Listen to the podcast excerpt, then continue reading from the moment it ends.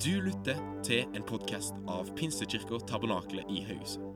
Vi tror at kirka kan være et sted der mennesker kan trives i alle livets faser. En kirke for hele livet. Ønsker du å bli bedre kjent med oss, gå inn på våre sosiale medier eller på pkth.no. Her kommer ukas tale. Herre, vi takker deg og vi priser deg. Vi takker deg at det som vi sang om akkurat nå, at det er sant. At du er den som lager en vei hvor det ikke fins noe vei. Du er den som gjør mirakler, Herre. Du er den som holder dine løfter. Fordi at dine løfter de har fått sitt ja og sine amen i Jesus Kristus. Vi priser ditt hellige navn og vi takker deg. Vi takker deg for at du bringer lys der hvor det er mørke. Og at vi kan starte dette året med denne forventningen i vårt hjerte. At du er den du sier du er. Og at vi kan regne med deg. At du er med oss. Vi er ikke alene. Og fordi du er med oss, så blir dette et godt år. Vi kan si godt nyttår, men det blir jammen et godt nyttår når vi vet at du er med. Vi priser deg for det, Herre. Vi takker deg for det. Og alle folket sa amen, amen, amen. Tusen takk, lovsangstime. Elias, siste gang før du uh, reiser av gårde, kan ikke vi Elias en liten sånn applaus?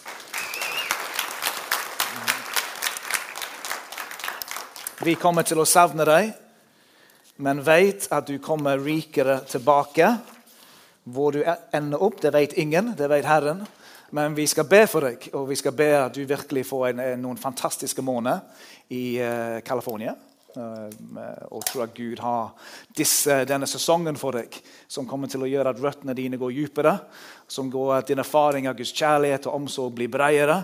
Og at du får nye innsikter og nye, kanskje nye tanker om hva Herren har for deg i den tiden som ligger foran. Så vi er så glad i deg og så takknemlige for at du har betydd veldig mye for um, uh, Connection og for 20 pluss og for gudstjenestelivet. Du har strukket deg langt og ofte og vel. Og Det er virkelig vært en stor takk fra meg personlig, men også fra hele kirken. Så må du virkelig ha en flott stund og tid i Amerika. Over there. Så det er så bra.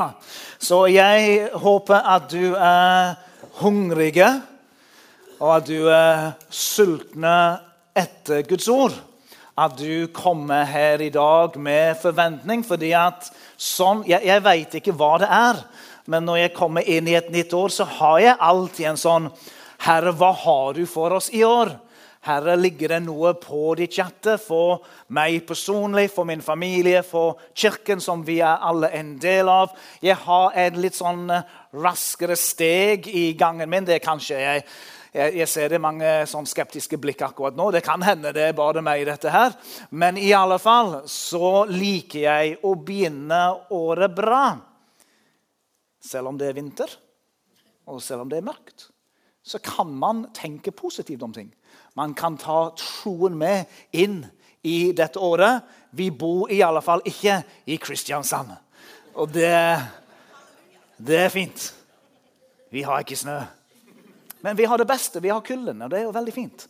Men vi har ikke snøen, som er plagen. Så det er Gud er god. Han ser oss, han bryr seg om oss. Og det er veldig fint. Hvis du har Bibelen med deg, så kan du finne fram til Romerbrev kapittel 15, vers 3.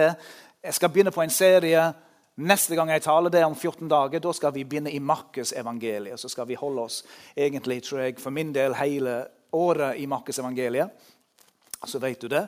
Men denne søndagen det blir en, et, et, et budskap for den første søndagen i året som Herren har lagt på mitt hjerte. Det er Romerbrev kapittel 15 og vers 13. Og det skriver Paulus til kirken i Roma følgende velsignelse. På engelsk kaller vi det en benediction.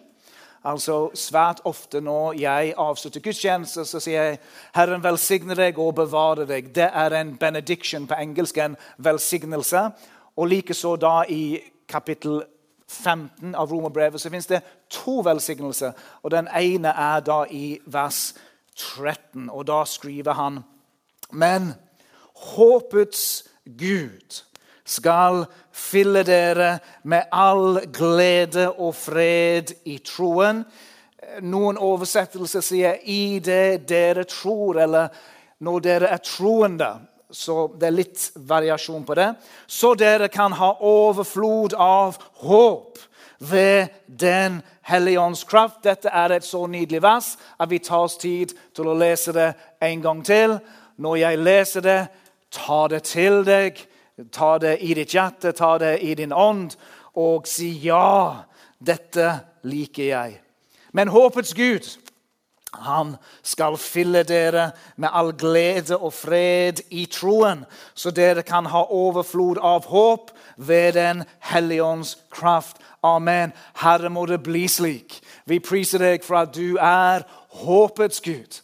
Jeg takker deg for at du er håpets Gud inn i dette året, inn i 2024. Jeg takker deg for at håp er ikke noe som er uklart eller som er tåkete, men det er solid. Den bærer, og den bringer kraft inn i livene våre, inn i vår etterfølgelse av deg, Jesus. Herre, jeg takker deg for at du kjenner oss, jeg takker deg for at du ser oss. Og jeg ber, Herre, at uh, denne søndagen må du komme med håp. Denne søndagen inn i hver enkelts hjerte og hver enkelts liv, Herre. Og i de, de, områdene hvor de kjenner at uh, kanskje det er litt mismot, eller kanskje man er litt usikker, eller kanskje man kjenner seg sliten eller tappen, eller hva det måtte være. Helligånd, jeg ber at du fyller med håp at du fyller med glede, at du fyller med fred. Og ikke bare litt, men jeg ber at det skal flyte over i Jesu navn. Amen. Når man preker og når man snakker, uansett hvilken sal det er, så vil det ofte være tre forskjellige grupper mennesker som kan møte dette ordet på en litt forskjellig måte. Det kan jo være mennesker som er her denne søndagen og som hører meg forkynne, som kanskje sier men jeg har ikke noe håp. At det er noen omstendigheter eller det er noen informasjon eller noe de går igjennom hvor de kjenner at de er så mismodige. De er på en måte litt nedbrutt. Kanskje ikke helt knekt, men de er på et sted hvor de sier men jeg, jeg har ikke håp. Det kan jo være at, at du identifiserer deg med det. Det kan også være en gruppe mennesker som sitter og hører meg snakke i dag, som har et, det som vi kan kalle for et falskt håp. Men du har jo håp, men du har plassert håpet ditt i din utdanning eller på kontoen din eller slektsnavnet ditt eller bedriften din eller hva det måtte være. Du kan plassere ditt håp på stedet som Bibelen ville sagt er et falskt håp, noe som du ikke kan regne med, som, som, skifter gjennom tider og sesonger. Men så er det også, og det vet jeg, at det er en gruppe mennesker som jeg snakker til i dag, som har et ekte håp. Og det håpet som de har, det er et håp som er festet på og tas fra hvem Gud er. Så om du tror på Jesus Kristus, så er det det håpet du har. Du er en av disse salme 121 Ehm, eh, menneskene, menn og kvinner, som løfter sine øyne og som sier at nei, jeg kan ikke plassere mitt håp i det jeg ser rundt meg, eller det jeg får til i min egen kraft, men mitt håp er i noe som er sikrere, noe som er mer solid, som er fastere, og det er i Gud selv. Kan jeg få en amen på den? Amen, som Paulus han skriver. Den første velsignelsen den finner vi i vers 5 i kapittel 15. Og Da skriver han til en menighet som har både etniske og etiske utfordringer. De splitres, og de har avstand, og det er vanskelige tider. Og så kommer han med en velsignelse i vers 5, hvor han sier må så tålmodighetens og trøstens Andre oversettelser sier utholdenhetens og oppmuntringens Jeg liker kanskje det bedre. Utholdenhetens og oppmuntringens Gud gi dere å ha det samme sinnelag innbyrdes. I samsvar med det som er i Kristus Jesus. Så dere med ett og samme sinnelag og med en munn også kan ære Gud og vår Herre Jesu Kristi Far. Så han, han, kommer med en velsignelse over forsamlingen om at de skal erfare Gud trøster dem og oppmuntrer dem. At det vises slik at de lever på en måte som ligner på Jesus. At de, de kan vise det samme sinnelag som Jesus har i, i relasjon og, og, til hverandre. Når man sitter sammen og prater, når man tjener i kirken, at vi møter noe av måten Jesus hadde møtt oss på. Fordi at Rett etter dette, i vers 7, så sier han ta imot hverandre slik som Kristus tok imot dere. Veldig praktisk. Så Bare i måten vi møter hverandre på, sier han, så skal det merkes at dere tilhører Jesus. At vi kan ta med oss Jesus i disse bitene her. Og hvordan tenker, For det, det tenker jeg er litt vanskelig. Jeg vet ikke om det er flere som tenker sånn. At det å, det å, det å være lik Jesus i alle disse relasjoner, og i, i, i hverdagssituasjoner, og i familieforhold og i kirken er det noen som kan tenke at uh, hvis nivået er Jesus, at det kan kjennes litt sånn wow, det, det litt, selv, om, selv om jeg vet jeg har en del åndelige ting med meg. Likevel så kan jeg kjenne det, det, det, vi setter nivået høyt. Men det kommer Paulus inn. Og Paulus sier, 'Hvordan skal vi klare dette?' Hvordan kan vi leve slik som Jesus lever? Og, og fungere sammen? Jo, da sier han at veien til det er at håp Håp det er noe som skal gi dere kraft i dag for den framtiden som ligger i morgen. Håp er noe som deg, som, som produserer styrke til å leve slik som Jesus levde, til å være en etterfølger av Jesus i disse relasjoner og i de omstendigheter som du kommer til å møte på gjennom dette året som heter 2024. Så for oss alle sammen. Vårt håp er ikke i oss sjøl. Kan jeg få en amen på det? Vårt håp er i alle fall ikke i det som har vært kikke bakover. Da var det jo slik. og da var det jo sånn. Nei, nei, nei. nei. Vårt håp er i Gud. Og der fester vi vårt håp. Skal jeg gi deg tre enkle grunner til at du kan si ja til Guds håp for 2024. Og Det første er at Gud gir autentisk håp. Genuin håp. Ekte håp. En av de kjente reformatorene heter Martin Luther. Og Martin Luther var jo en komplisert mann. Eh, diktig, skarp, briljant. Samtidig som han hadde mental helseutfordringer. Han sleit med depresjon gjennom store deler av hans liv. Og Særlig en periode så, så lå han tungt i, i, en sky av depresjon. og Han sleit med å komme seg ut, og han trengte hjelpen av sin fru, av sin kone Katrine. Og Katrine sjøl opplevde at dette, dette var etter hvert såpass lenge og vanskelig at vi måtte ty til drastiske verktøy. Så det var en morgen hvor Martin Luther satt ved frokostbordet og var fortsatt tungsindige. Og så kom Katrine ned på kjøkkenet i sørgeklær. I uh, svart kjole og svart bånd som skulle markere at noen har dødd. Og Martin kirkte opp på henne, og han sier, 'Katrine, hvem er det?' Som har gått bort? Hvem er det som er død? Og Katrine kikker han inn i øynene og så sier han, slik som du har oppført deg i det siste, så skulle jeg trodd at Gud var død. Ja, Det er jo litt morsomt, da. Det er jo litt, hun, var, hun var ganske, ganske, på. Så hun skulle liksom riste han litt ut av denne motløshet. Og poenget hennes var dette. Martin, Gud er ikke død. Halleluja. Gud er ikke død. Gud lever, og, og det begynner vi. At hvis vi har én grunn til å være håpefulle og bli fylt av håp, så er det akkurat dette at uansett hvilken omstendigheter du står i i dag, eller kommer til å gå gjennom dette året, så er det slik at Gud er ikke død. Han lever, han sitter på en trone, han regjerer. Han er allvitende, allmektig, og han har all kraft. Gud er håpets Gud. Det er jo det Paulus begynner. Ikke at han har, det er ikke sånn at Gud har håp. Sant? Gud er ikke sånn som vi er. Men Gud, Gud eier håp. Gud er bedre sagt, Gud er objektet for håp. Altså Skal vi erfare hva sann håp er, så kan vi kun hente ekte håp, genuin håp, fra Gud selv, fordi Gud er objektet for vårt håp. Når, når, jeg bruker håp, og det har jeg også måttet rydde litt opp i eget tankeliv sjøl for en del år tilbake, så kunne håp oppleves eller tenkes som noe som var litt, litt tåkete. Litt som å ønske seg noe.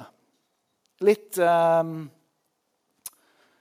Velge noe lottotall og håpe at et eller annet ramler på en måte. Litt som når du fisker og du tar fiskestangen, og um, ingen har fortalt deg de gode stedene hvor du kan fiske ut på Auklandshamn, fordi de holder de hemmelige. Men, men du tar stangen din og du slenger det ut, og du bare håper at det er en eller annen tosk som uh, hviler rett under vannet der. ikke sant? Og du kan trekke den opp. Du, du håper på det beste. Men kristen håp er ikke slik. Vårt håp er ikke som en fiskestang som slenges ut i havet, og vi håper at det er en fisk som, som, som går forbi oss. Nei, kristen håp er heller Tenk på det slik at fra evigheten, fra tronen, fra Gud sjøl, så kaster han en ubrytelig tråd. Sant? Noen som har fisket, og det, det, det, er rike og det er rike og det er rike. Nei, nei, nei. Fra Gud så kommer det en ubrytelig tråd, og den lander i ditt liv og i din, om, dine omstendigheter og i ditt hjerte, og den fanger deg. Og Guds sitt håp, den drar deg Det er denne sunnmørske. Dra, den drar deg inn i Guds sine tanker og Guds sine planer for ditt liv. Og Hvordan kan du gjenkjenne forskjell mellom på en måte vanlig håp og Guds håp? Jo, fordi Guds håp den er Gud sentrert. Den er Gud fokusert. Den løfter ditt hjerte og ditt sinn, slik at du blir opptatt av hva Gud har sagt, og hva Gud gjør. Og Den er ikke liksom ja, kanskje, muligens, det kan jo hende. Nei, den er festet på hvem Gud er, fordi at han er håpets Gud. Halleluja! Jeg føler meg litt pinsevenn i dag. Skjedde det? Er godt. i, mitt håp det er ikke i min sparekonto. Det er ikke i min utdanning eller mangel på den. Det er ikke i min eiendom. Min, mitt håp den, den, er festet på Han som sitter på tronen. Så Paulus han snakker om at det er Gud sjøl som er grunnvollen for håpet vårt. Hvis vi ønsker at håp skal fylle våre hjerter og, og, gi oss styrke, for, for, det er jo det den gjør. Den produserer utholdenhet, og den, den gir oss oppmuntring. Sant? Verdifulle, viktige styrke og egenskaper som skal bære deg gjennom forskjellige sesonger av ditt liv. Gud er håpets opphav. Han er håpets fundament men er også håpets giver. Gud gir håp. Ja, jeg, jeg ser på Gud når jeg synger lovsang, når jeg løfter mine hender, når jeg ber, når jeg leser Bibelen. Jeg vender meg til Gud, og Gud gir håp. Han fyller mitt hjerte. Efesene 2, vers 12 sier om alle mennesker at uten Gud er vi uten håp. Eh, min oversettelse. Det, er litt mer ord i det Paulus skriver. Men poenget hans er dette at før Kristus, uten Kristus, så har du ikke håp. Du er uten håp.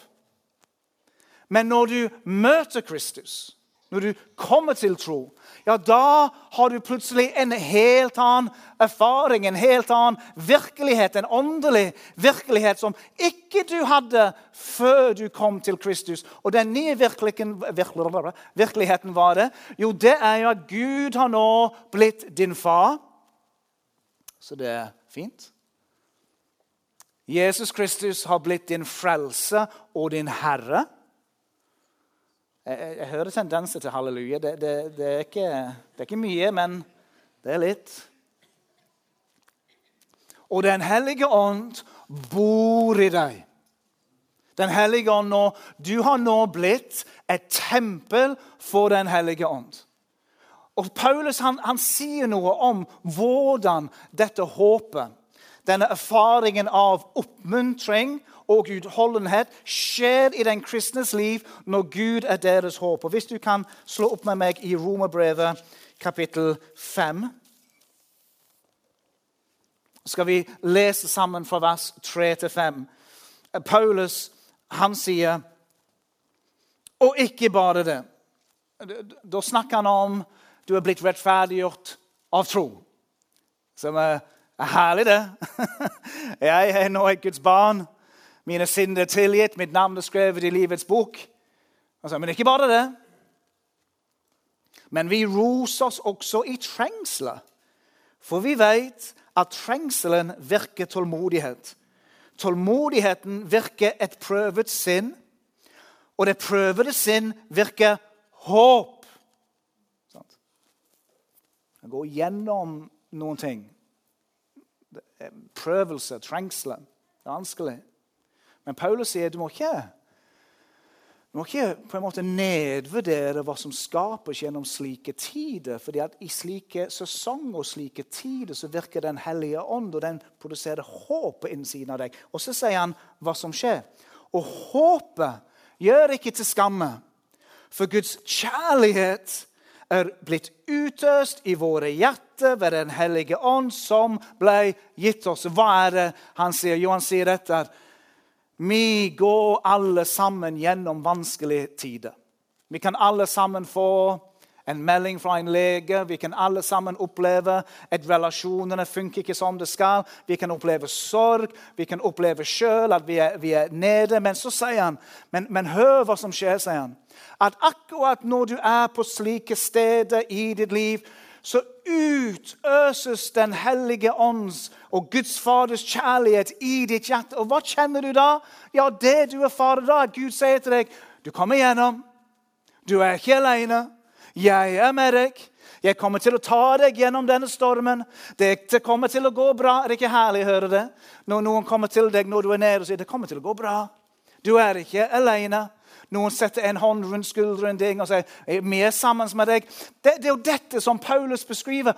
Håpet for du som tror erfarer slik at når du går gjennom slike stunder, og du ber, du gråter du, det, det, det, du leser litt, men det er vanskelig, så kommer Den hellige ånd og fyller ditt hjerte med Guds kjærlighet, slik at du kjenner og erfarer ikke bare at 'jeg tror det står her', men det er en erfaring på innsiden om at Faderen er med deg. Du går aldri alene. Om du går gjennom dødsskyggens dal, så er jeg med deg, sier Herren. Halleluja. Come on, hjelp meg her. Halleluja. Amen. Han gir autentiske håp. Det kommer til å gå bra. Paulus har forskjellige perspektiver på det, men vi kan snakke litt om det en annen gang. Nummer to Gud gir vedvarende håp. Gud gir vedvarende håp. Dette er en velsignelse. Så når vi, når vi utlyser, når vi lyser ut, og vi leser velsignelse i Bibelen, så har de to retninger. De har en retning til den som lytter, og så har de en retning opp imot Gud. Det er på en måte som å snakke til Gud og snakke til mennesket samtidig.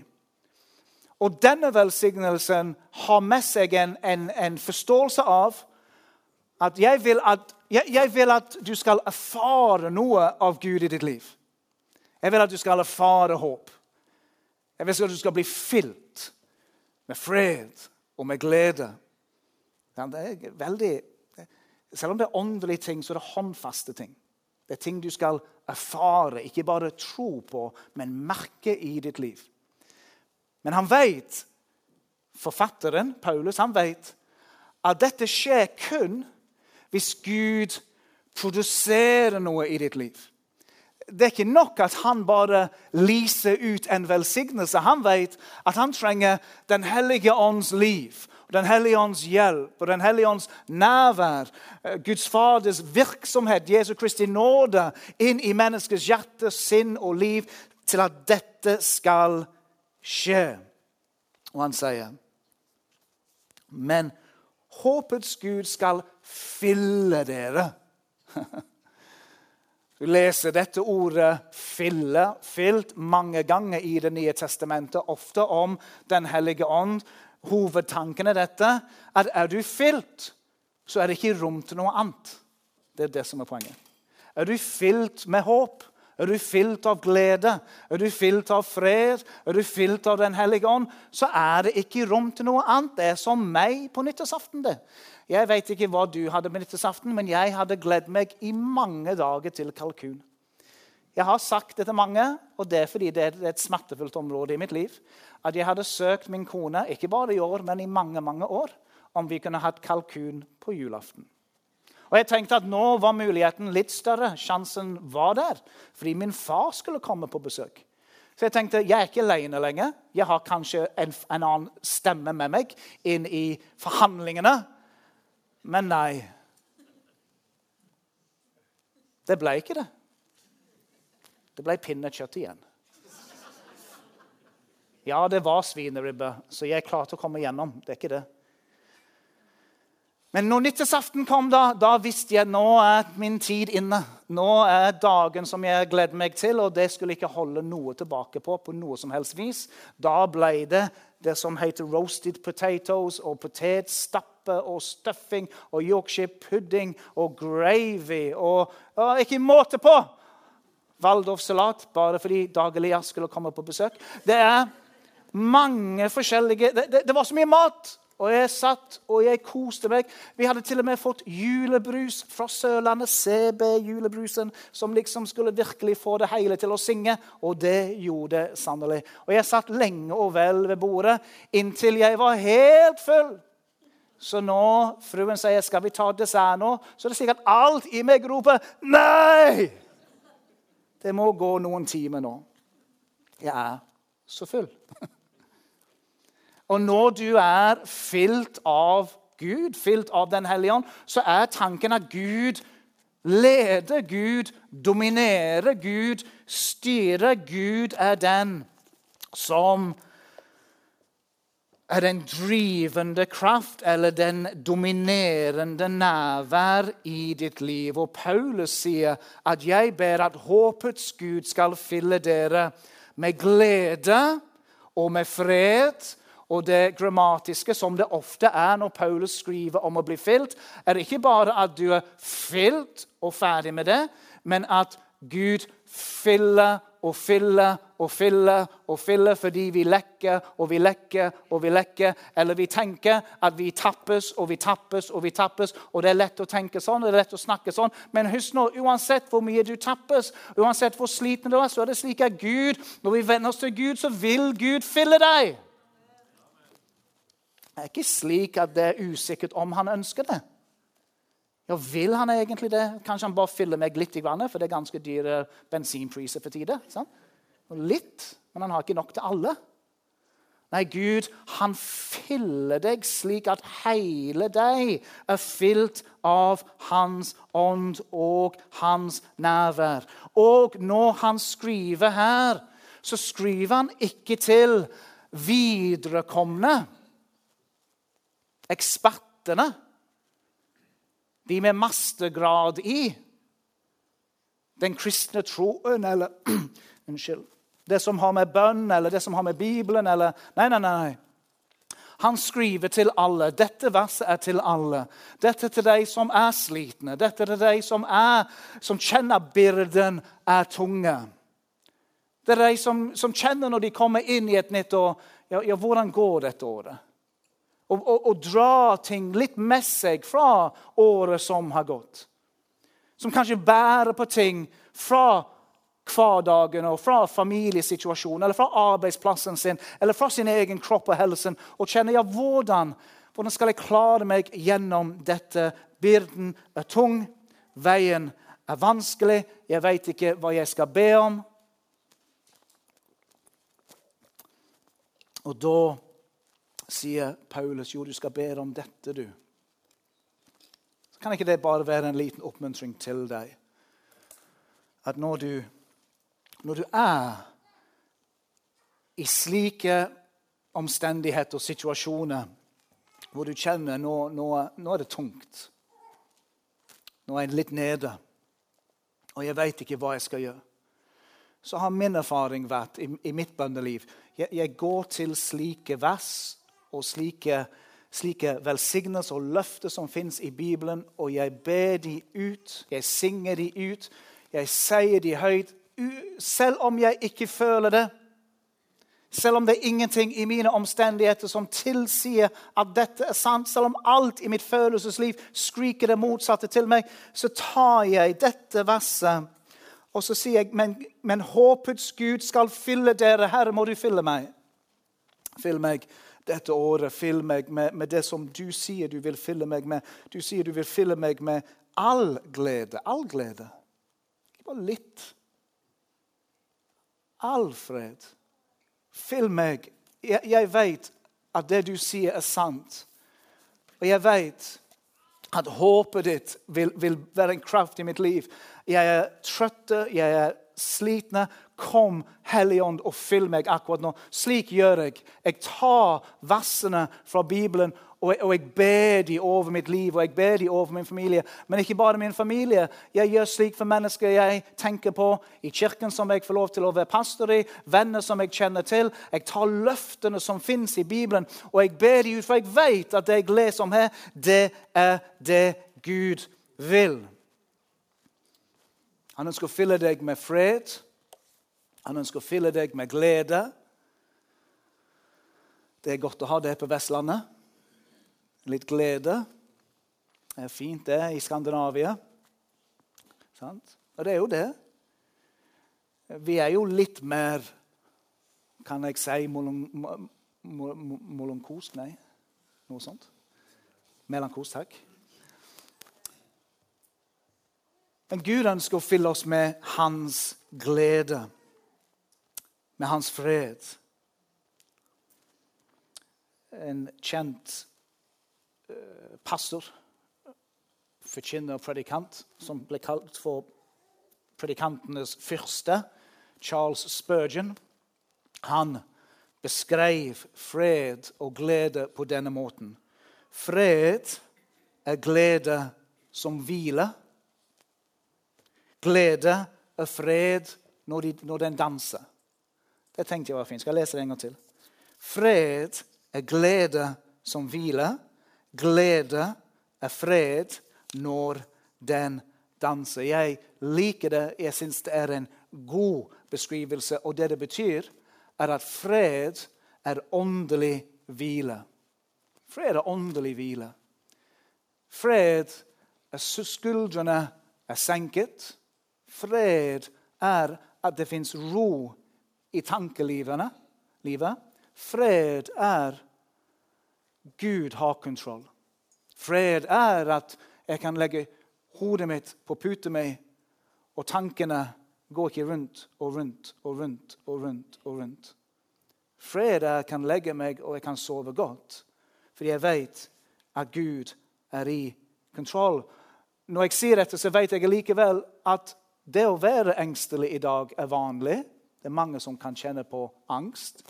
Det er mange som kan oppleve stress. Det er mange som kan være bekymret og synes det er vanskelig å hvile. Når det er vanskelig å hvile, så tenker du ikke klart. Du føler deg urolig. Du sover ikke godt. Og du går ikke alltid rett. Men sannheten er at denne velsignelsen da gjelder deg. At Gud vil gi deg all fred. Hør meg nå. Og, og, om, du, om du har kamper på dette, og det er det mange som har Om du kan oppleve tider slik som Martin Luther opplevde, ved motløshet eller depresjon eller angst, så er det slik at Gud ønsker å gi deg all fred. Filippene 4, 7, så sier Paulus og Guds fred, som overgår all forstand, skal bevare deres hjerte og tanke i Kristus Jesus. Skulle nesten trodd at Paulus var psykolog. Fyll ditt hjerte. Sånn. Kjenn, du, altså, du, kjenner deg, du kjenner deg urolig. Sånn. Dine tanker Det kommer ikke til å gå bra. Det kommer til å bli slik. Tankekjør snakkes det om. Men Paulus sier at håpets Gud er en Gud som vil fylle deg med all håp. Og håpets Gud er den som vil fylle deg med all glede og med all fred. Gud kan gi ditt hjerte ro. Kan du si amen til det? Gud kan gi ditt hjerte ro. Gud kan gi deg en god natts søvn. Gud kan ta byrdene av dine skuldre, slik at du kjenner at du har fred, som er glede når den danser. I Isaiah, profeten 26, vers 2, så sier profeten du skal bevare den i fred. Ja, hva? I fred. Du skal bevare, bevare den i fred, i fred. Den som har et grunnfestet sinn, for han stoler på deg. Det er fint. Tenk hvis du skal bevare meg i fred. Jeg har et grunnfestet sinn. Og hva er det? Hvordan ser det ut? Jo, det, det er at du stoler på Herren. Og Jesus sier sjøl, 'Min fred', Johannes 14, 'min fred overgir jeg dere'. Den freden som du kan erfare som en kristen, er en fred som Jesus gir deg. Han som er freds fyrste. Og den kan være med deg den kan være med deg uansett hva du går igjennom. Så jeg sier dette, så mener jeg ikke at vi som kristne ikke skal oppleve tider hvor vi, vi um, er stresset eller er urolig eller kan kjenne på angst. Nei, det vet jeg at alle, vi, vi, vi, er ikke supermennesker, noen av oss. Alle kan gå gjennom kamper og, og, og tider hvor omstendighetene blir overveldende. Men samtidig så er poenget til Paulus at selv om vi går gjennom dette, så, så har vi et sted vi kan gå til. Vi, vi har en objekt, og objekten er Gud. Og uansett hvordan stormen er rundt vårt liv, så kan vi vende oss til Gud og si Fyll meg nå med din fred og med din glede. Hebreerne 11,1 sier tro er full tillit til det en håper på. Overbevisning om det en ikke ser. Mm. Så vi er i 2024, et nytt år. Og du vil høre mange, mange prekener sikkert gjennom dette året. Reise på stevne eller leir eller konferanse, være på gudstjeneste så ofte du kan. Kanskje hører du på podkast. Og det, det, det, gjør vi, for vi vet at vi trenger å høre Guds ord. Men vi trenger også å ta steg i tro. Vi trenger også å ta steg inn i det som vi har lært, det som vi har hørt. Håpet, håpet som vi har, er ikke et håp som vi skal bare holde for oss sjøl. Men håpet som vi har, er noe som skal ha bein for bein, som den kan gå på. Men håpets Gud skal fylle dere med all glede og fred i troen så dere kan ha overflod av håp med Den hellige ånds kraft. For at håpets Gud fyller deg. Håpets Gud gir deg fred. Håpets Gud fyller deg med glede. Ikke for at man skal igjen sitte der hvor vi er, men at vi kan ta steg inn i nye områder. Steg inn i bønnens verden. Steg inn i frimodighet steg inn i å tjene. Vi har en Gud som vil gi oss fred og fred i overflod. Den hellige ånd bor i deg. Vi trenger ikke å håpe på å få kraft fra Den hellige ånd. Den hellige ånd bor i deg. Når vi ber om å bli fylt, så fyller Den hellige ånd oss med kraft og med styrke, med håp og med fred og med glede. Ofte så tenker jeg litt på den fortellingen hvor Jesus velsigner en liten matpakke. Overflod. Og når alle har spist 5000 menn, tror jeg det var, foruten noen kvinner og barn, så det ble en god gjeng men så måtte de reise derfra med tolv kurver full av mat. Det er nesten som jeg tenker at de hadde mer etterpå og når de begynte. Og det er overflod. Du har, du har så mye mer enn det du egentlig trenger, men mengden av det du har, er til for å tjene Han. Gud har en hensikt for deg dette året. Det er det som er poenget. Håpets Gud, han er objektet Gud fyller deg med fred og glede inn i dette året her. Men Gud fyller deg ikke for oss sjøle. Men Gud fyller oss for at vi kan tjene Han og gi Han ære gjennom vårt liv. Og det er gjennom å være pappa og mamma på arbeidsplassen, men også når vi tjener Han i kirken. Gud velsigne deg inn i dette året med fred og med glede og med håp inn i de omstendige situasjonene du kommer til å gå gjennom. Så det er alltid sånn Kanskje lovsangstimen kan komme fram nå. Så det er alltid slik at når man begynner på dette året her, når man begynner på et nytt år, så er det fint å begynne slik som man ønsker å fortsette. Man skal begynne bra. En skal begynne med å sette Gud først. En skal begynne med å si, 'Herre, du er du er herre over dette året. En skal begynne med å si jeg vet at jeg trenger like mye Guds nåde dette året som jeg gjorde året før. Jeg ønsker å begynne med å si jeg trenger åndens fylde, åndens kraft i mitt liv. Jeg skal begynne året slik som jeg vil at året skal fortsette. Begynne året med å si Herre, jeg ønsker å vokse inn i dette. Jeg ønsker å vokse dette året. Han skal komme ut av 2024 og se tilbake og se jammen, jammen har jeg lært deg bedre å kjenne dette året, Jesus, enn det hvor jeg var. Jeg, jeg ser at jeg har tatt steg i troen. Jeg ser at jeg har tatt steg i bønn, i Bibelen. Hjelp meg å vokse i forventning, i troen på deg. At du hører mine bønner, og at du svarer mine bønner. Jeg skal ta steg. Hjelp meg å ikke være likegyldig. Beskytt meg og bevar meg når jeg lever i et sekulært samfunn som sier ting til meg hele tida om at Gud skal ikke komme først. Du skal komme først. Det handler ikke om Guds rike, det handler om ditt rike. Tenk på deg sjøl, du. Det, det, er et budskap for verden mot deg hele veien. Du hører langt mye forkynnelse fra dem enn du gjør fra meg.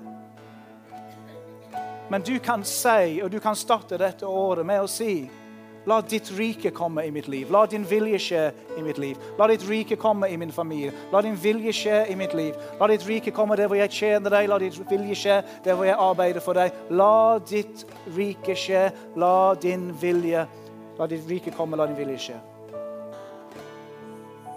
Skal vi reise oss? Skal vi synge en enkel sang? Men vi hadde lyst til å åpne opp for forbønn hvis du ønsker å bare innvie deg, eller du ønsker bare forbønn for det som Herren har for deg dette året, så kom gjerne fram, og så skal vi be sammen med deg. Takk for at du lytta til vår podkast. Vi håper at undervisningen kan være til inspirasjon og hjelp inn i din livssituasjon. Du er hjertelig velkommen til møter i Pinsekirken Tabernakel Haugesund klokken tolv på søndager. Ha ei velsigna uke videre.